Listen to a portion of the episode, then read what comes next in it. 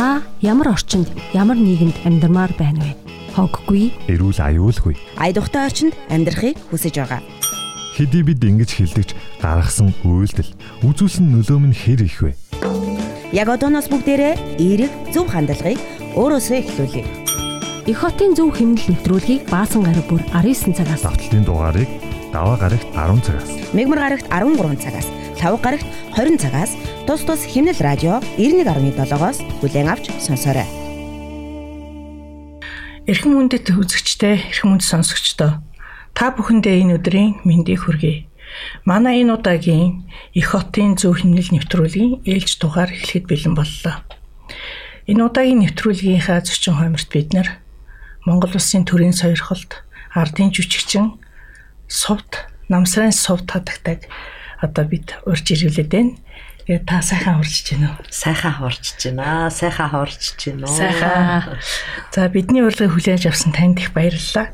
Тэгэхээр манай нэвтрүүлэг бол ер нь хот суурин газарт ажиллаж амьдарч байгаа хүн бүрийн хийсэн үйлдэл бусдаа сайнаарч саараарч нөлөөлждөг. Тэгэхээр тэр саар саараар нөлөөлж байгаа нөлөөллийг бууруулахын тулд бид нэр хүн болгон, байгууллага болгон, хамт олгон болгон одоо анхаарах тэр зөв хим химжээ, химнэлийн асуудлыг бид нэр хөндөж ярьдгаараа нэвтрүүлгийн онцлог юм. За энэ удаагийн манай нэвтрүүлгийн сэдэв бол үзүүрийн соёл. Үзүүрийн соёл.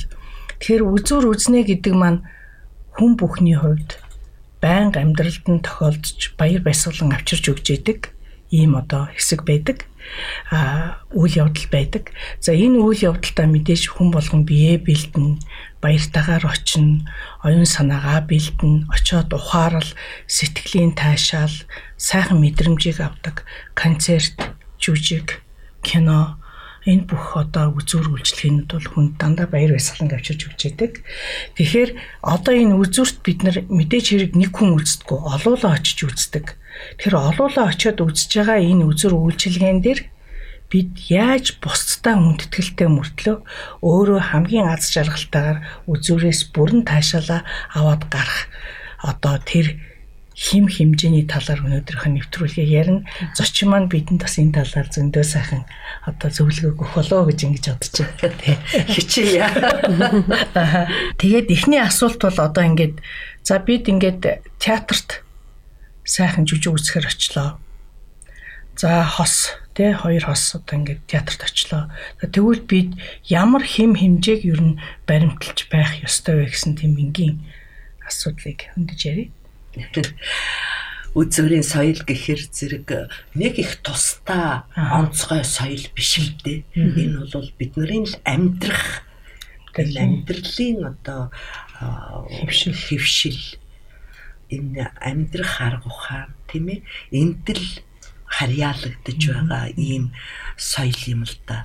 Тэгээд цаг үе болгон улс үндэстэн болгон өөр өөрийн бас онцлогтой.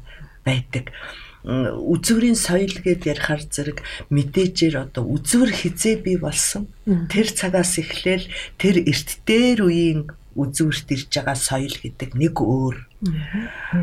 Хэддүгээр зуунд одоо юм үзэж гин гэдгээс бас өөр тийм ээ. Өнөөдрийн үзүүрт ирж байгаа тэр дундаа Монголд Монголын театр урлаг соёлын энэ үзүүрт ирж байгаа энэ бүх юм бол хоорондоо их ялгаатай байна л да.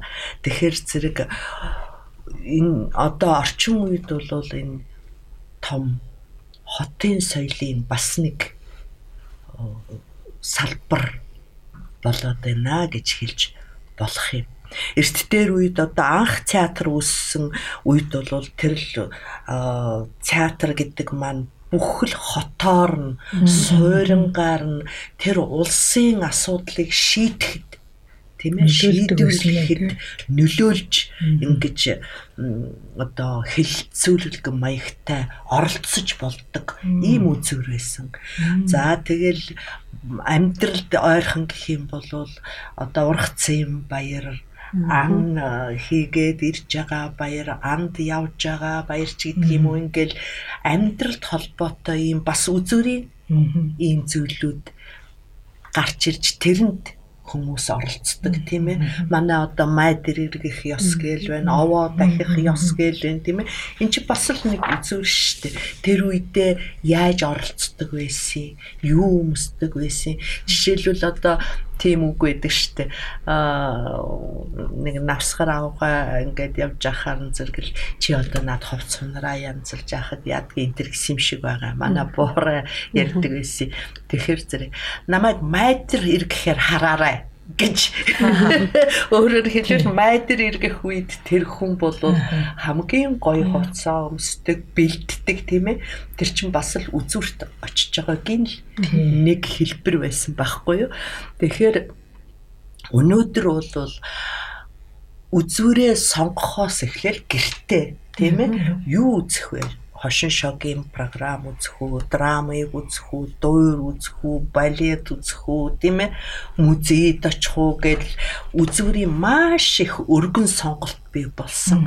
Тэрнээс шалтгаалаад хувцсаа цаг хугацаагаа ингээд тохируулж бэлдэж гардаг болсон байж штэ. За тэгээ билет авна гэхээр чин зэрэг одоо онлайнаар билет зардаг болсон те.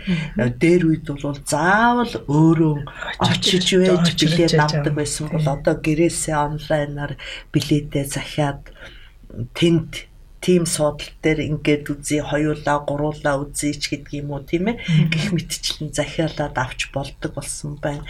Тийм учраас үзүр үзэх өдрөө ажлаа зохицуулдаг тийм ээ. Тэгээд ингэж одоо үзүүрт бүр бэлтгэж бүр ингээд сонгохоос эхлээд өөрийнхөө биеийг бэлтдэг. Тийм байна болсон байна. Тэгээ хошин шог үзэхэд арай өөр хувцастай ч гэдэг юм уу. Тэгээ гадаа одоо шоунд улсууд очиж штэ. Одоо яадгийн гадаа гудамжинд хөнгөн хөгжмийн pop урлагийн одоо тийм нэгдсэн том тоглолт болоход бол нэг өөр хувцастай. Өөр хугацаатай тийм ээ 2 цагт биш цаг хагасд биш одоо 4 цаг тэнд босоогоороо удамжинд зогсож үзэх хэрэгтэй ч болдго юм уу? А драмын театрт гэхэд жүжиг болгон бас өөр тийм ээ. Сонгодог том хэлбэрийн жүжиг гэхэд 3 цаг 3 цаг хагас тоглож байна. Хаа түүх гэж жүжиг гэхэд гурван өөр жүжиг гурван хэсэг байх жишээтэй тийм ээ. Зарим одоо орчин үеийн хөнгөө нэг хүний жүжиг байна. Тэр бол ингээд цагаас хэтрэхгүй байх жишээтэй. Гэх мэтчлэн маш олон төрөл. Дуурьт очихдоо бид нар яаж очих вэ? Балет үзэх гэж очихдоо яаж очих вэ? Гэх мэтчлэн үзэж байгаа үзвэрээсээ хүн шалтгаалаад бэлдэх хэрэгтэй байна л да. Жишээлбэл одоо манад ингээд томоохон жүжиг 3 цагийн жүжиг юм уу ингээд үзэх гээд очсон бол эхлээд хоолоо идчихэж тийм ээ. Тэгээд ингээд сайхан хувцлаад ирэх жишээтэй.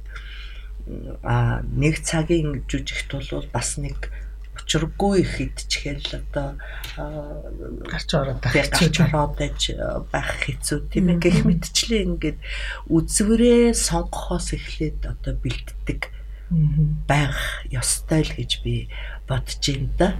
Тэгээд ер нь ямар ч үзвэрт очиж үзлээ гэсэн энэ их суур нь бол хүн хүнээ хүндэтгэх соёл байх Чи өөрөөсөө бусдыг хүндэлдэг байжээч үзвэрт жишээлбэл одоо хамт үзэж байгаа үзэгчтэй бид нар хамт сууж байгаа хүнээ. Тэр эргэн тойрон одоо хэдэн зуун хүн байна. Тэр хүмүүсийг хүндэлж тэр хүмүүсийг юм үзэхтэн саад болохгүй байх гэж хичээх ёстой тийм ээ. Тайзан дээр тоглож байгаа жүжигчтэй, дуулж байгаа дуучтай, бүжигчтэй хүндэлж явах ёстой.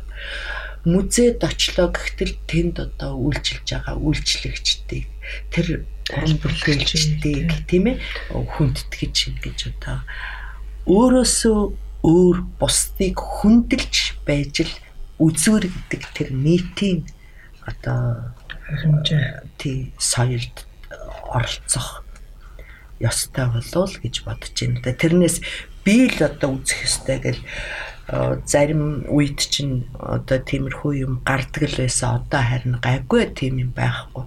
Яг тэгэхээр драмын театр, дуурийн театр гэх мэтчлэн манай энэ үндсэн том театрууд бол үзүүр яг цагтаа эхэлдэг. 10 минут сунгаж болно үзэгчд одоо зам бөглөөтэй энэ төр гэдэг юм уу энэ байдлыг харж үзээд нэг 10 минут бид нар хоцорч эхэллэх боломжтой.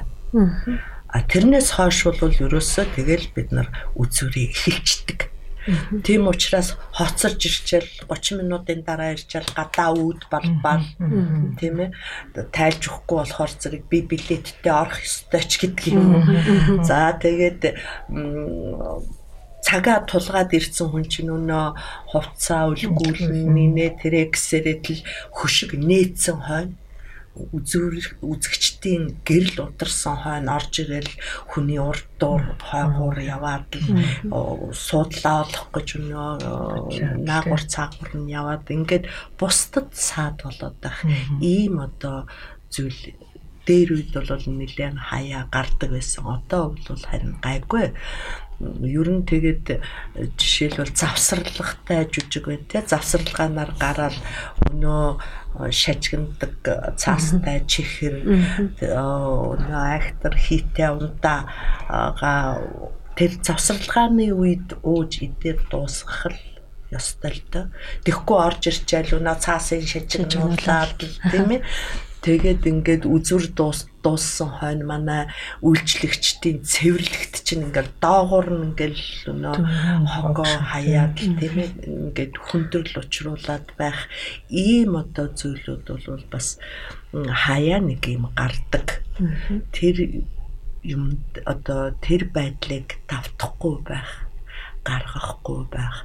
Утсаар ингээд үзүүрт бишээ. Би бүр заримдаа үзүүрт бол хаяа нэг гардгийг утас дуграал те гэртээ байгаа юм шиг чанга дуугаар би энд жүжиг үзэж байна гэл ингээд яриад тийм. Энэ бол маш соёлын төвшин доогуур байгаагийн шинжилтэй заримдаа би автобусаар үйлчлүүлдэг. Тэгэл тэр автобусанд дүүрэн хүн сууж ахтал Өө яг л гэртээ байгаа юм шиг л уцаар ярьж байгаа улсууд нэлээд харагддгийн. Энэ бол үйлчилгээнд оролцож олны дунд чи байж байна гэдгийг их сайн ойлгох хэрэгтэй юм да тийм ээ. Ярьж болно л доо. Автобусанд бол тийм ээ. Явж хахад хаана явж гин ч гэдгийм үү ирэх гэж гин ч гэдгийм үү хүн одоо утсан дуграад асууж болно. Тэгвэл тэр явж байгаа улсууд дотор ч өвчтэй хүн байна, даралттай хүн байна, сэтгэл санаагаар бас сайн биш хүн байна. Янз бүрийн улсууд байгаа шүү дээ.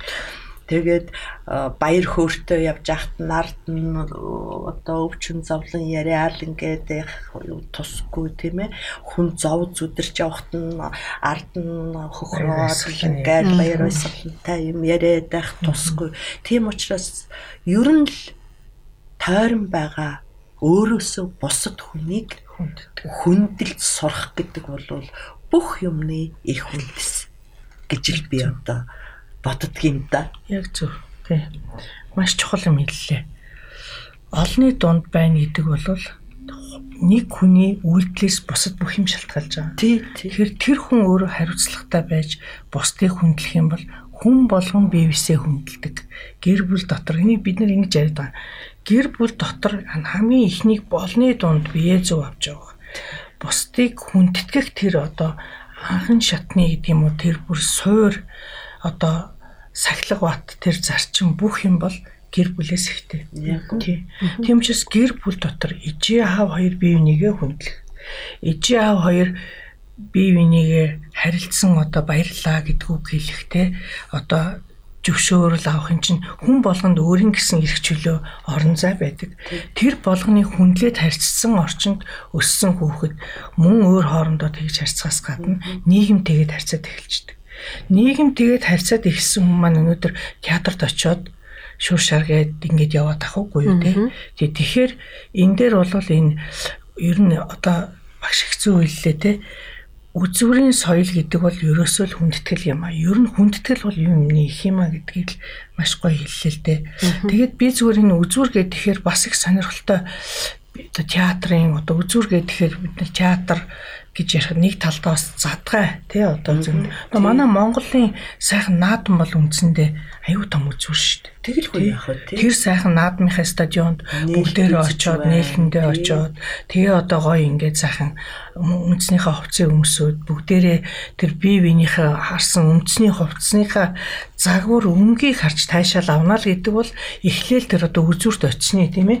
Одоо айгүй гоё юм. Өөрөөрөө бахарх нь, бусдаар бахарх нь, эргэн тойрны хүмүүсээрээ бахарх нь. За тэгжээд нэг нөхөр зонтко барайл ингээл тэ толгой дээр ингээ барьчаал артлын үнд ингээ нөгөө өмч нөгөө гой гой дээл гой юм хараад нөө сайхан уралдах гэж байгаа морийг харж исэн юм чинь ингээл дотор нэг юм болоод те ингээл нэг процесс явагдаж шít. Тэгээд тийм учраас хүн болгоны тэр үйлдэлтэй хүн анхаарч явах хэрэгтэй юм аа. Тэр үйлдэлийг хүн одоо мэдэрч анхаарах хэрэгтэй. Тэгэд би бол боддгийн заримдаа ингээд манай одоо хүмүүсийн нийтлэг дунд гараад байгаа зарим нэг одоо тиймэрхүү бусдыг үл хөмтдгсэн юм шиг үйлдэл нь өөрөө мэдхгүй гэдэг байгаа байхгүй тэр санаатай биш. санаатай биш. тий санаатай биш. тэгэхээр санаатай биш юмыг санаж явахад илүүтэхгүй л гэдэг бол манай нэвтрүүлгийн зорилго. Энийг та мэдрээрээ тий сая одоо бас багш нөгөө автобусын дотор тий хүмүүсийн тэр нэг уцаар ярьдаг юг бас ярьж штэ тий би бас нэг автобусанд суулаа л да. Тэгээ суусан тэр бол нэг бүр дүүрэн бол байгаагүй. Гэтэл нэг хүн эмхтэй одоо нэг ангийнхаа нэг хүнийг олон жил уулзаагүй нэг хүнтэйгээ ярихад тэр ангийн тухай бүх мэдээллийг би авч байгаа байхгүй. Одоо тий тэр ангийн тухай. Тэгээ би тэр тухайгаа бас нэг жижиг юм биччихсэн л да. Аа ерөөсөө автобусын доторх амьдрал бол нийгмийн тол юм аа л гэж тий. Тий. А гэтэл нэг хүн бол ингээд цонх руу хараад зөндөө их дууд болсон. Ганцаараа дулаад байсан муухай биш ээ тэр их аялгуудтай итэх. Тэгэхээр өнөөдөр бид тэр хийж байгаа хүмүүс өөрсдөө мэдгүй үйлдэлээ хийгээд байгаа бол бид хийж байгаа үйлдэлээ ялангуяа олонний дунд цэнэж бусдыг хинтэтгэж одоо үлдэж байгаарэ гэдэг л их чухал байгаа юм тий. Тий. За тэгээд одоо үзүүр гэдэг дээр ингээд а театр одоо сүүлийн үед ингээд За бүжгийн жүжиг одоо нэг хэсэг бол ингээл одоо хошин шогийг үздэг үзэгч бол дүүрэн. А тэгтэл тэр одоо дуурийн театр тий бүжгийн жүжигт бол ер нь заал бол бас төдийлөн сайн дүүрж өгдөг нэг үе байсан. Тийм нэг үе байсан. Өмнө нь бол аягүй сайн байсан. Одоо бол буцаад аягүй сайхан бас ингээд аягүй тэр хөгжөд явж байгаа тий. Тэгэхээр эндээс бол би юу харж нөхөр хүмүүс нөгөө үзүүрийг таны сэллээ шүү дээ. Үзүүрийн сонголт хийх тэр нөгөө боловсрлон дээшилж जैन. Тэр одоо бас үзүр үзүрийг толиулж байгаа манай урлагийнхан ч гэсэн чанар чансаагаа чадвар чансаагаа илүү сайжруулж байгаа юм болов уу гэсэн бас нэг тийм юу бол надад ажиглагдсан. Тэр нь тийм болоо. Тэглгүй яах вэ? Одоо театр болгон өөрийн урын сангийн бодлого гэж бодлогыг хэрэгжүүлдэг. Жишээлбэл одоо манай драмын театрын урын сан гэдэг маань их том л доо одоо байгуулагдсанаас хойш үзэгчтэй хүргэсэн одоо тэр юугаа бид нар ингээд тий чагсаалтыг гаргацсан. А яг эргэлтийн урын сан гэж байгаа. Одоо өнөөдөр ингэж эргэлдэж байгаа үзэгчтэй үйлчилж байгаа. Тэр урын сандаан ямар бодлогыг баримталж одоо бид нар энэ юугаа гаргадаг гэхэр зэрэг нас насны ангиллалд бид нар ингэж жигд үйлчилж чадчихэв нүггүй юу. Тэр дотроо одоо хүүхдийн инээдмийн гих ч юм уу залуучуудын гэд ингээд одоо сонг дэлхийн сонгодог үндэсний сонгодог жүжиг үндэсний орчин үеийн сэдвтэй жүжигүүд гэх мэтчлэн энэ бүгдийг тэгш авч явахыг одоо хичээдэг. Тэгэхээр зэрэг энэ маань юу гэхээр зэрэг үзэгчдийн хамрах хүрээг бид нар одоо аль нэг хэсгийг орхигдуулахгүй байх. Ийм бодлогыг уран сайхны одоо урын сангийн бодлоготой хэрэгжүүлдэг. А тэгээ эндээ урын уран сайхны зөвлөлгээд чанарын хувьд өөрөөр хэлбэл бас шаардлага хангасан. Уран сайхны хувьд шүү дээ тий. Аа ур чадварын төвшин одоо захих хэмжээндээ хүрсэн ийм уран бүтээлүүдээр үзэгчтэй хүнд одоо үйлчлэх ийм зорилгыг одоо хадгалж байдаг л да. Тий сургуулиуд дээр одоо үзүүрийн соёлын талаар хичээл орвол яадаг юм бэ гэсэн нэг пост би харсан л та. Тэр бас сонгодон урлаг сонирхогч групп дээр тавьсан пост байсан. Яг доор нь тавьсан сэтгэлдлүүдийг харж байхад бол ер нь сонгодог урлаг болон драмын театраар үйлчлүүлж байгаа хүн наад захын соёлоодыг бид нар ер нь багаас нь зааж хэвшүүлж бас сурах нь их зөв юм байна. Хэрвээ ийм хичээл орвол та хүүхдээ суулгах уу гэсэн бүр санал асуулга бас явуулсан байлээ. Тэгээд эндээс би яг нэг санал дэвшүүлмээр санагдчих байгаа юм л та.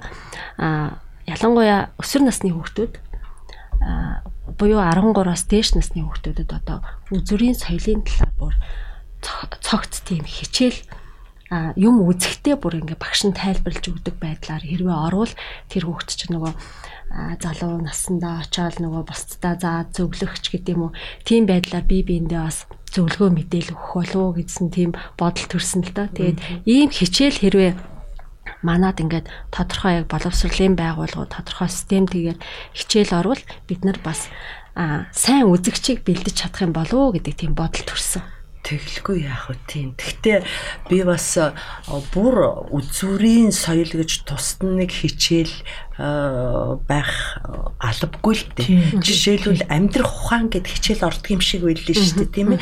Тэр амьдрах ухаан дотор чинь үзвэрт очих олны одоо дунд бие авч явах энэ одоо сэдв бас нэг бүлэг болж орох ёстой болоо гэж би бодож байна л да. Тэгжээж одоо тэр хүн олны дунд бие авч явах. Үзүр гэдэг маань л олны дунд чи орно гэсэн үг шүү дээ тийм ээ.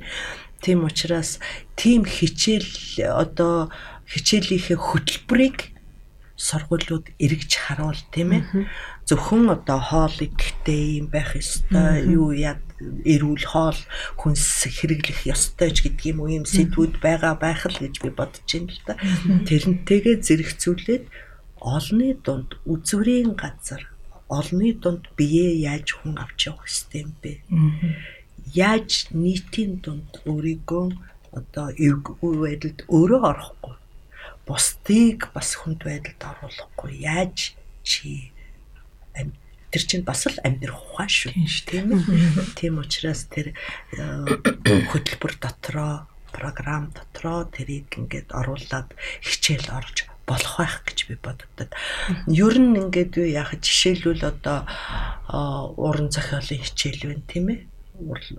Уран зохиолын хичээл гэхэд зохиол бичгийг заадаггүй шүү дээ.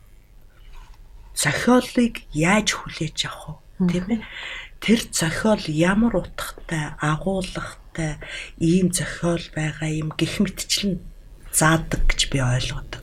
Тэрнтэй адилхан хөгжмийн хичээл гэж байна. Хөгжмийн хичээл хөгжим бичих дууны хичээл гэж байна те. Дуу дуулах зорилготой хичээл биш гэж би ойлгодог. Хөгжмийг яаж ойлгох юм? Дууг яаж ойлгох юм? Тэр дотроо дуур ямар одоо дуу хөгжмийн төрөлд багтдгийг тэрийг яаж ойлгох ёстой юм тийм ээ?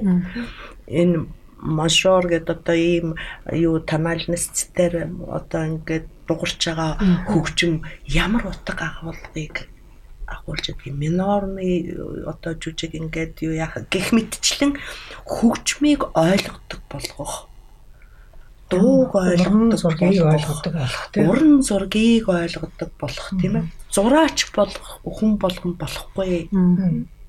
Зураг зурах сонирхолтой хүүхдүүд бол зургаар зураад ингээ явна. А зургийг ойлгодог өнгийг ойлгодог тийм ээ.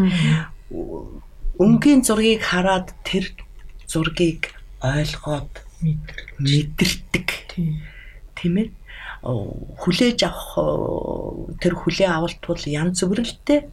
Тэгтээ ерөнхий чиг хандлагыг өгч явах ёстой. Гэрэл сүүдэр яагаад энэ зургийн энтэй талаас нь гэрэл өгөөд энд нь ингэж сүүдэр яаж байгаа. Яагаад алслалт гэж юм байдгийг тийм ээ. Яаж алслалт ингээд энэ зураг яаж тийм их алсан юмыг зүгээр хавтгай дээр гаргаж болж байна. Энийг ямар одоо зураач яаж ингэж гаргаж байна те зураач болгон янз бүрээр гаргаж байгаа ш. Гэх мэтчлэн ингээл тэр зураг ойлгодог болгох хэрэгтэй байгаа хүүхдүүдэд. Хөгжим дууг ойлгодог болгох хэрэгтэй байгаа те. Тэгэхгүй бол дууны хичээлгээл хөгжмийн хичээлгээл бүгдийг дуулуулах гал хөөрхөд одоо ямар ч одоо дуулах байглаас заяасан ийм одоо авиас таарухантай огт дурдгүй хүн Монголд байхгүй л дээ. Гэхдээ өөрөө сонирхолгүй тийм хүүхдийг л дуулуулах гэдэл тамийн цагаал тэгээ өнөө дуу хөгжим дурггүй болгочих жишээ тийм ээ. Зурж чадахгүй байгаа тэр одоо авиас нь одоо мөсгөн заяасан тийм хүүхдэд бол ойлгуулах хэрэгтэй байхгүй тэр ойлгодог болгох хэрэгтэй. Тэгжээж тэр хүүхэд аа ямар сони юм бэ? Энэ зураач энэ зураг ингээ ийм ийм өнгөтэй ийм алсталтай ийм гэрэл сүдэртэй зураг байсан юм байна. Энэ зураач нь ингэж гаргадаг юм байна. За тэр үзсгэлэнд очиод тэр зураачийн зургийг харчих юм гэсэн ийм хүсэл төрүүлэх ёстой байхгүй гэж л одоо би боддгийн. Гэтэ энэ бол хүн болгон үнэ бодол өөрөө өөртөө зөв гэж. Тэгэхээр зэрэг энэ хөтөлбөрийг боловсруулж байгаа багш нар энэ төр бас боддог л байх, хийдэг л байх. Зүгээр би бол тэр талаар жаахан доголдолтой байдгийн болов гэж ялангуяа миний үед одоо дууны хичээл зургийн хичээлгээл ордог байсан. Бид нарыг чинь зуруулаад, дуулуулаад тэгэл дүн тавьдаг байсан шүү дээ. Дүн тавьдаг байсан шүү дээ. Миний үед. Тэгээ одоо ингээд яхаар зэрэг бас ингээ янз бүрийн юм хийх тийм технологийн заах тийм юу энэ төр байна лээ. Гэхдээ тэрийг хийх сонирхолтой хүн байна, сонирхолгүй хүн байна тийм ээ. Энийг л одоо баримл гэдэг юм юу гэдгийг төрслөх хурлаг дотор тийм ээ уран зураг гэж юу гэдгийг эн чин дотроо бас их яг сэлбэр нь ямар учиртай юм? Гэл ингээл тэр бүгдийг нэг баг баг баг гэсэндэг мэдэрдэг. ойлгодог. Тэндээс таашаа суурийг ингээд тавьж өгмөр юм шиг л санагддаг юм да. Таны ярианаас нөгөө кино урлагийн сургууль, театр урлагийн сургуулийн оюутнуудыг нөгөө сайн уран бүтээлч болохоос илүүтэй сайн үзэгч байх чухал гэж багш нар зааж ирсэн л та. Тэгээд энэ яг зарчмаар бид нар оюутан болоод одоо миний хувьд бол оюутан болоод сонгодог театрт бидний нөгөө оюутныхоо үнэмлэхээр 50% хөнгөлөлттэй тасалбар аваад ангиараа орж үзээд орж үзэхэд биднэрт багш нар за ингийн шүү, ингийн шүү, ингэдгийн шүү За сонгодог урлагт очиход хүн ийм байх ёстой шүү гэдэг ийм зарчмуудыг бас бид нар зааж өгч ийсэн л та. Тэгээд яг энэ зарчмыг одоо 10 жилээс нь хэрвээ заадаг бол манай энэ хүүхд залуучууд маань бас зөв дадлалт тий хэв хэмжээнд захирагдаж зөв дадлыг өөрөөсөө бий болгож бас чадах тийм боломж бас байна гэж харсан. Тий. Тэгээд энэ урлагийн байгууллагууд, ерөнхий эрдмийн сургуулиуд бас их хамтарч их ажиллах хэрэгтэй юм шиг надад санагддаг. Хичээлийг зөвхөн одоо тэрл партны ард ширээний ард суулгаад багш самбарын өмнө заах биш тийм ээ жишээлээ уран зохиолын хичээл гэхэд чехын жүжигүүд уран бүтээлгээл ордог намдгийн одоо уран бүтээлч гэдэг юм уу ингээл гадаадын үндэсний зохиолчдын тухай хичээлүүд ороход жишээлбэл одоо драмын театр дээр очиод тэр хүний бүтээлийг үзээд ингээ хоорондоо хичээл дээрээ яриул одоо жишээлбэл их хүүхдэд сонирхолтой байх жишээтэй. Миний үед одоо хэдвэр ангид байсан юм бодвол 7 8 дугаар ангийн үед болоо да би филармони жишээлбэл манай сургуультай ингээд харьцаа шеф гэдэг ингээ харьцаалгатойгоод Тэгээд тэр зураглал одоо болтол миний сэтгэл жишээлбэл филармоны симфони хөгжмийг манай сургуулийнхан очиж үзчихсэн байхгүй хүүхдүүд. Тэгээ намсраж байгаа өөрөө гарч ирээд тэгээд за энэ хөгжмийг сонссоо хасаатар ингээд одоо сэлмэ барьцсан им улаан нөмрөгтэй зураг та нар үзсэн үү гэд ингээд зураг хөгжим хоёрыг хооронд нь холбоод. Энэ хэсэг яг тэр тулаанд орж байгаа хэсэг мөн үү? Та нар ингээ сонстоо гэд тэр хэсгийг сонсгоол тэгээд та нар санаж гэнэ үү юм? Улаан нөмрөгтэй баатрийн зургийг санаж гэнэ үү гэх шиг тийм ээ.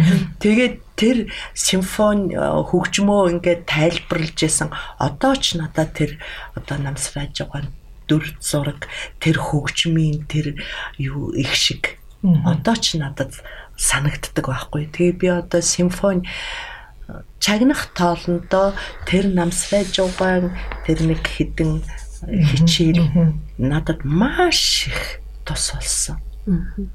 Одоо тэгээд тэр одоо төгөлдөр концерт ч гэдэг юм уу тийм ээ? Энэ хийлийн концерт гэдэг тэр симфонд дуурч исэн хөгжмнүүдийн ялгааг тэр юунд бас бид нарт ингээд хэлж өгч ийсэн тийм ээ. Гэх мэтчлэн тэр хичээл надад одоо ч гэсэн гээд бүр хоногшоод үлдсэн байдгийг шүү дээ. Тэгэхээр зэрэг иймэрхүү байдлаар хүүхдийн зургийн хичээл гэхэд зөвхөн одоо зурх баримл одоо сэлбэргээ заагаад байхаас гадна яг үсгэлэнгийн танхимд очоод энэ зураачих энэ бол энэ хүний баримлч гэдэг юм уу ингээл тэрийг тайлбарлаад зураач нартайгаа уулзалт хийлгээл ингээл яхаар чин зэрэг тэр хичээлийн өгөөж илүү үлдсэн тий. Надад тэгээ санагддгийн тийм учраас ерөнхий эрдмийн сургуулиуд урлагийн байгууллагууд ингээд хоорондын холбоо их сайн байх шаардлагатай юм болоо гэж боддог.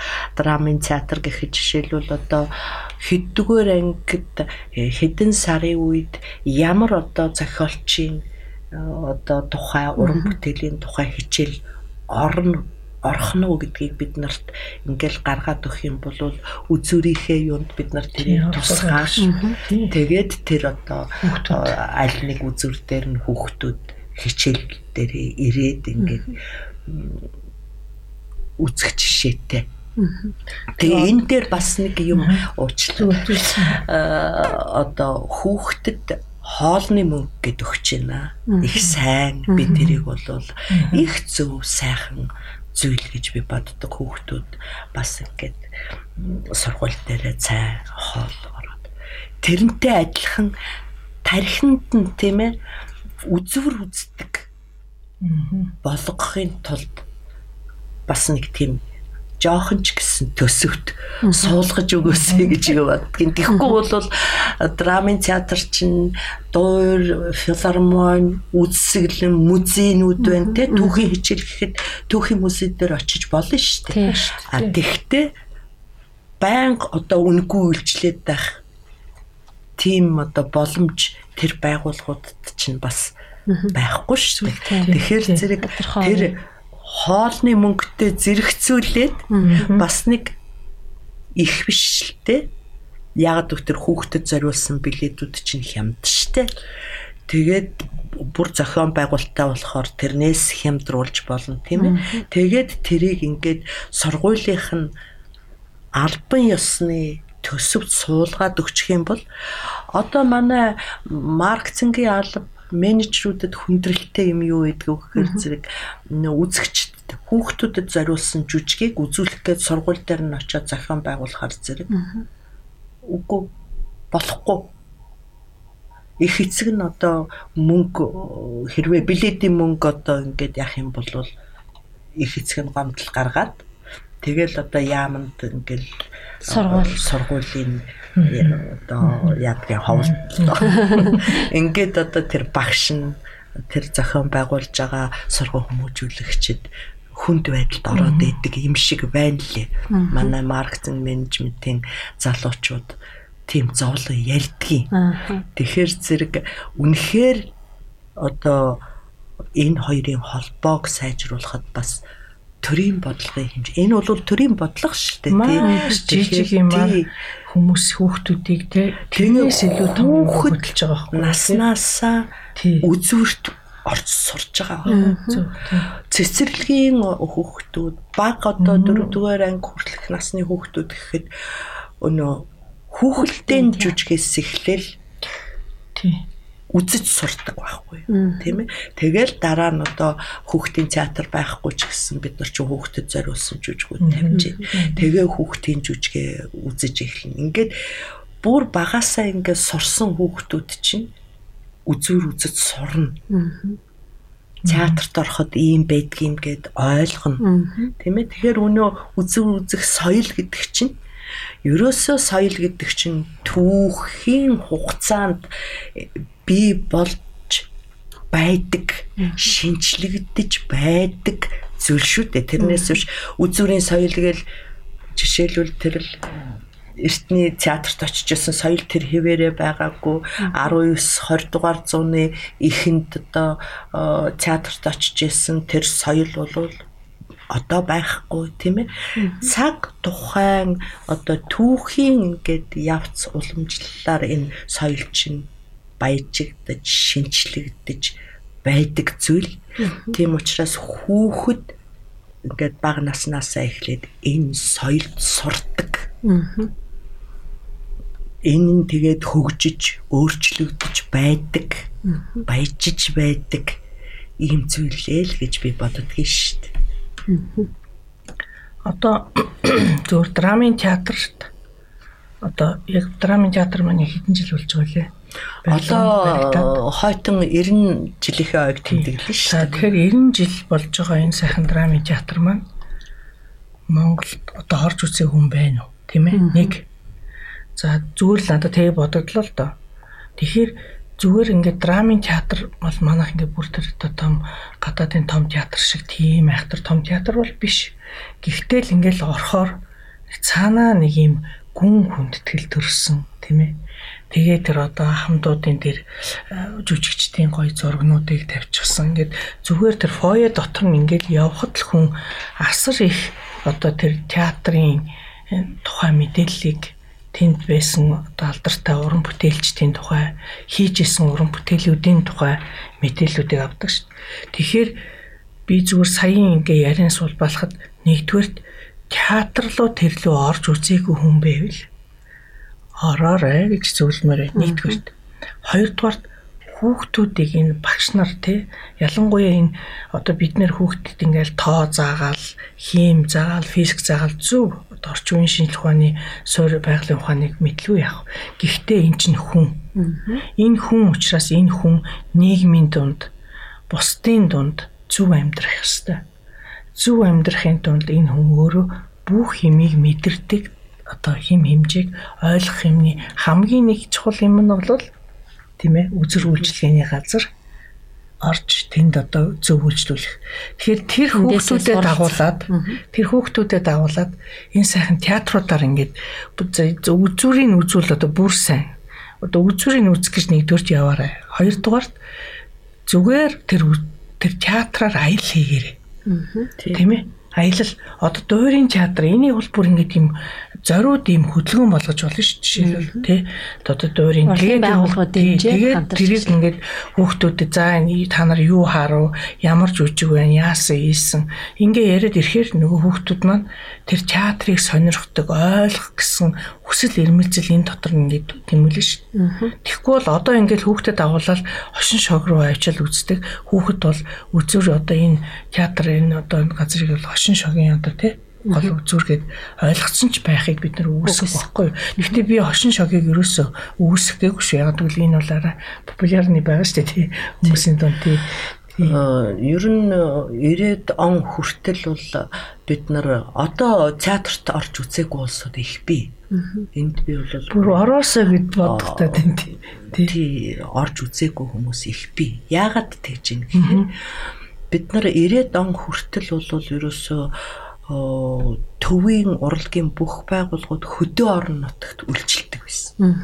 Өөрсдийнхөө уран бүтээлийг аваад хөдөө орон нутгаар бүр сум болгоноор явж үйлчилдэг. Театр гэж юм байдгийн, үзүүр юм байдгийн гэд өөрөөр хэлбэл хотод ирээд театрт ирэх тэр сонирхлыг бий болгож чаддаг. Сурагчдын үзүүлчдэг тийм ээ тэр хөдөөгийн сумдын сургуулиуд манай уран бүтээлийг үздэг.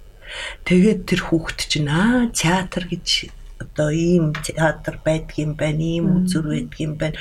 Хотод очиод үзье гэдэг ийм юу тентес би болдог байсан. 90-ад оноос хойш болохоор зэрэг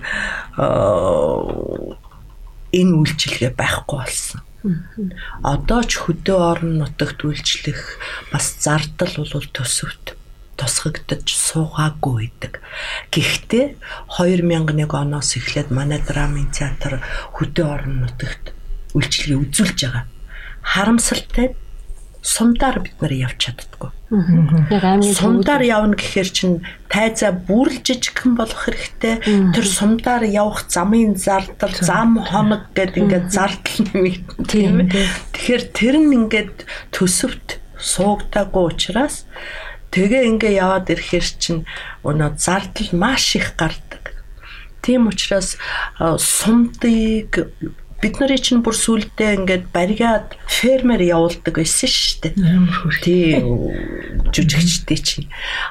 Тэгэхэр зэрэг одоо бол бид нар зүгээр аймгийн төвүүдэд одоо 3 дахь тойргоо хийчээд байна. Драмын театр 2001 оноос хойш өөрсдийнхөө орлогоор л бид нар энэ хөдөө орнод. Яг тэгэхээр эн чин төрийн том театр бид нар зөвхөн Улаанбаатарт үйлчлэх ёстой биш.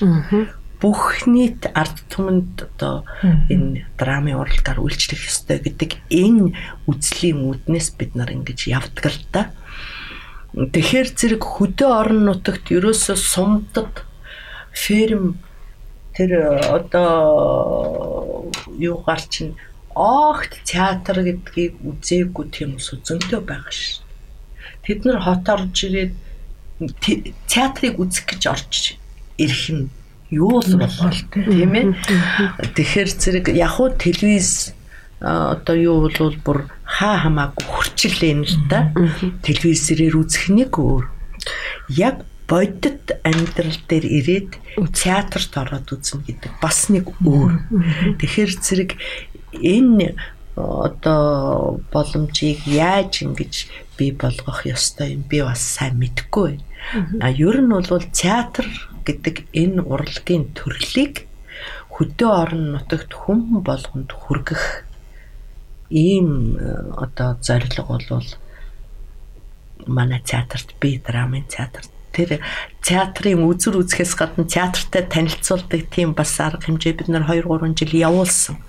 Тийм сургуулиудтай ягаад цаг гаргаад тэгээд одоо тайз нь юм байдгийн жүжигчдийн өрөө нь юм байдгийн гэрэл нь юм байдгийн гэд ингээд танилцуулаад ийм юу бас хийжсэн. Гэх мэтчлэн одоо янз бүрийн л аргаар бид нар ажиллаж ил байна л да. Манай залуучууд бол маш сайн ажиллаж байгаа. Манай маркетинг менежментийн албанд бол дан залуучууд байна. Манай уран бүтээлчид одоо залуучууд их болсон. Тэд нар маань ер нь хаа яваад юу тоглол гэсэн чил бэлэг тоглож байгаа. А бас энэ нэг яг уу бид нар бас тийм юм төлөвлөлтгөлийн тэр маань арай хэрэгжиж чадахгүй байгаа нэлээд дээр үеэс өөрөөр хэлбэл ороод зарим одоо хүүхдтэй хүмүүс театрт ирж чадахгүй байна л та. Нөө хүүхдэд дагууллаад ирэхэр чинь хүүхд нь үзүүрийн үед уйлна. Гарын орыг ин тэгэл иди ууйг ин тэгээ өнөө ээж авдаа саад болохоос гадна бас үзэгчдэд саад болдог. Тийм учраас хүүхэд оруулахгүй гэдэг тийм ээ. Тэгээ нэг хүүхэд саатуулах нэг юм ганц өрөө тогтчуулаад тий. Тэгээд тэнд одоо орой үзүрт ирсэн хүүхдтэй хүний хүүхдийг нэг 2 цаг 3 цаг саатуулчих. Ийм юутай болох юмсан гэл бид нар хичээдэг юм. Гэхдээ харамсалтай нь манайх чинь өнөө байрны асуудал трамт чуулга хөхөлтэй гурав чинь нэг байшин одоо чихэлдээд ээж идэг шүү дээ. Тэгээд одоо өөрсдийнх нь байр сав хөрөлцөө муутай. Гэхдээ энэ хизээ нэгэн цагт хэрэгжих байхаа гэж би дотроо боддог. Тийм учраас энд бид нар бас үзэгчдийнхээ тав тухыг хангах асуудал манай театруудын одоо үйлчилгээнд бас их онцгой тавигддаг л да. Тийм драмын театр чинь бас нэлийн тогтчл хийгдсэн шүү гэсэн сандлууд нь ер нь бол манай театр чинь соёлын ордон гэж байгуулагдсан шүү дээ барихтаа. Тий залуучуудын соёлын ордон байхгүй юу. Тэгээд драмын театрт 63 онд балансаас балансад засгийн газрын шийдвэрээр шилжүүлж өгөөд тэрнээс хойш л одоо театрын хэв загварт оруулж засвар хийж үйлчилгээгээ явуулж ингэж л байгаа газар байгаа юм. Тэгээ одоо бол хүн хараад театрал гэдэг л дээ манайхыг. Аа тэгээд одоо яах вэ? Засгийн газраас сая энэ одоо өнгөрсөн жил энэ 20 он гэгт чинь манай театрыг тохижуулах, шинчлэх, техник технологийн сайжруулах асуудлыг нэлээн одоо улс ортой идэвхтэй тавьж байгаад бид нар баярлдаг. Одоо тоног төхөөрөмж техник технологийн хувьд бол үнэхээр одоо хүнд байдалд орсон. За барилгын одоо чанар муудсан. Муудсан. Үнэхээр хүнд ийм нөхцөлд ажилтдаг. Манай одоо сан техник, гэрэл захилгааны хүмүүс бол үнэхээр яг уран бүтээлчд шигэ сэтгэлээ өгсөн улсууд тэнд ажилтдаг учраас манай театр үйлчилгээ нь өнөөдөр хүртэл доголдолгүй явдаг. Тэрнээс биш одоо тэгэл ингээл оо цууралт өгцөн бид нар чадахгүй. Энд мөөгөн цэртцэн бид нар чадахгүй гэд тэд нар тэгээ суух юм бол үзэгчдэд бид нар үйлчилгээ үзүүлж чадахгүй ш. Тэгээд тэд одоо тэр манай үйлчилгээний албаны тэр ажилчин нэг бүрэн тэндл одоо тэр хагархаа цорхоог ин бүглэж ингэж үзэгчдийнхээ тав тухыг хангах гэж тэр соёлын одоо төвшөнд нь байлгах гэж ингэж хүн болгон хүчин зүтгэл гаргаж ажиллаж идэг. Тэрэнд нь би одоо тэнд байгаа бүх л хүмүүст гэрэл захилгаан үйлчилгээний бүх хүмүүст баярлдаг. Тэнд бол ганц уран бүтээлч жүжигчд байдаг биш.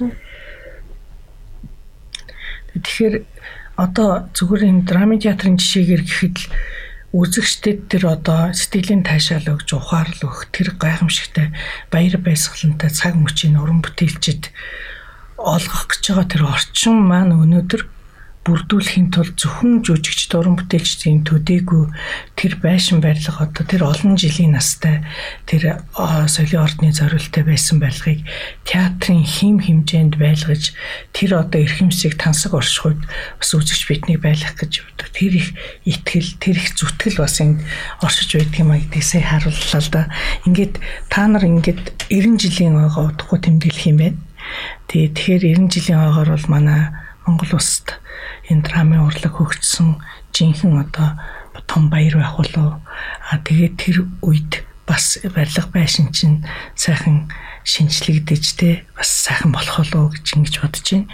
Тэгээ өнөөдрийн бидний одоо үзүүрийг тойрсон соёлын асуудлыг хөндөж ярьж байгаа нэвтрүүлэг маань бас их сонирхолтой олон сэдвүүдийг хөндлөө.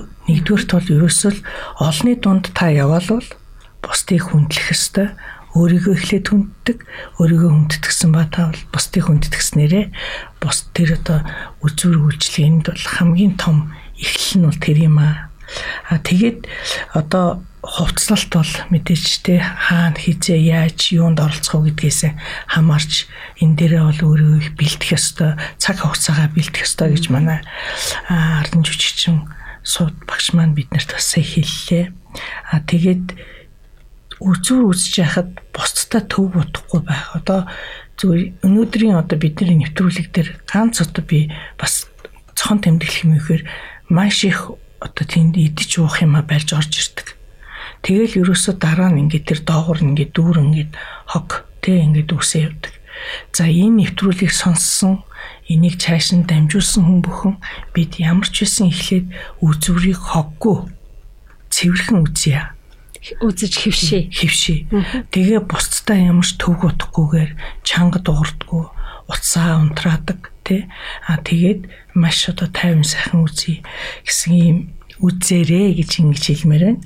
За ер нь бол тэгээд үзүр үзнэ гэдгийг одоо бид түрүүн бас багш маань хэллээ. Энэ бол зүгээр л одоо амьдралын хөвшил зүгээр л одоо хев байх ёстой хим хэмжээл гэж хэлж шүү дээ. Тэгэхээр энийг цаашдаа амьдралдаа хэвшүүлэхийн тулд хүүхдүүдтэй багаас нь энэ хандлага харилцаа үзэр гүйцэтгэний газар бие хэрхэн авч явах уу гэдэг талаар нь бага наснаас нь бас хүүхдүүдтэй уламжлан хэлж өгөөрэй гэсэн ийм одоо гол зүйлүүд хөндөглөө гэж бодож байна.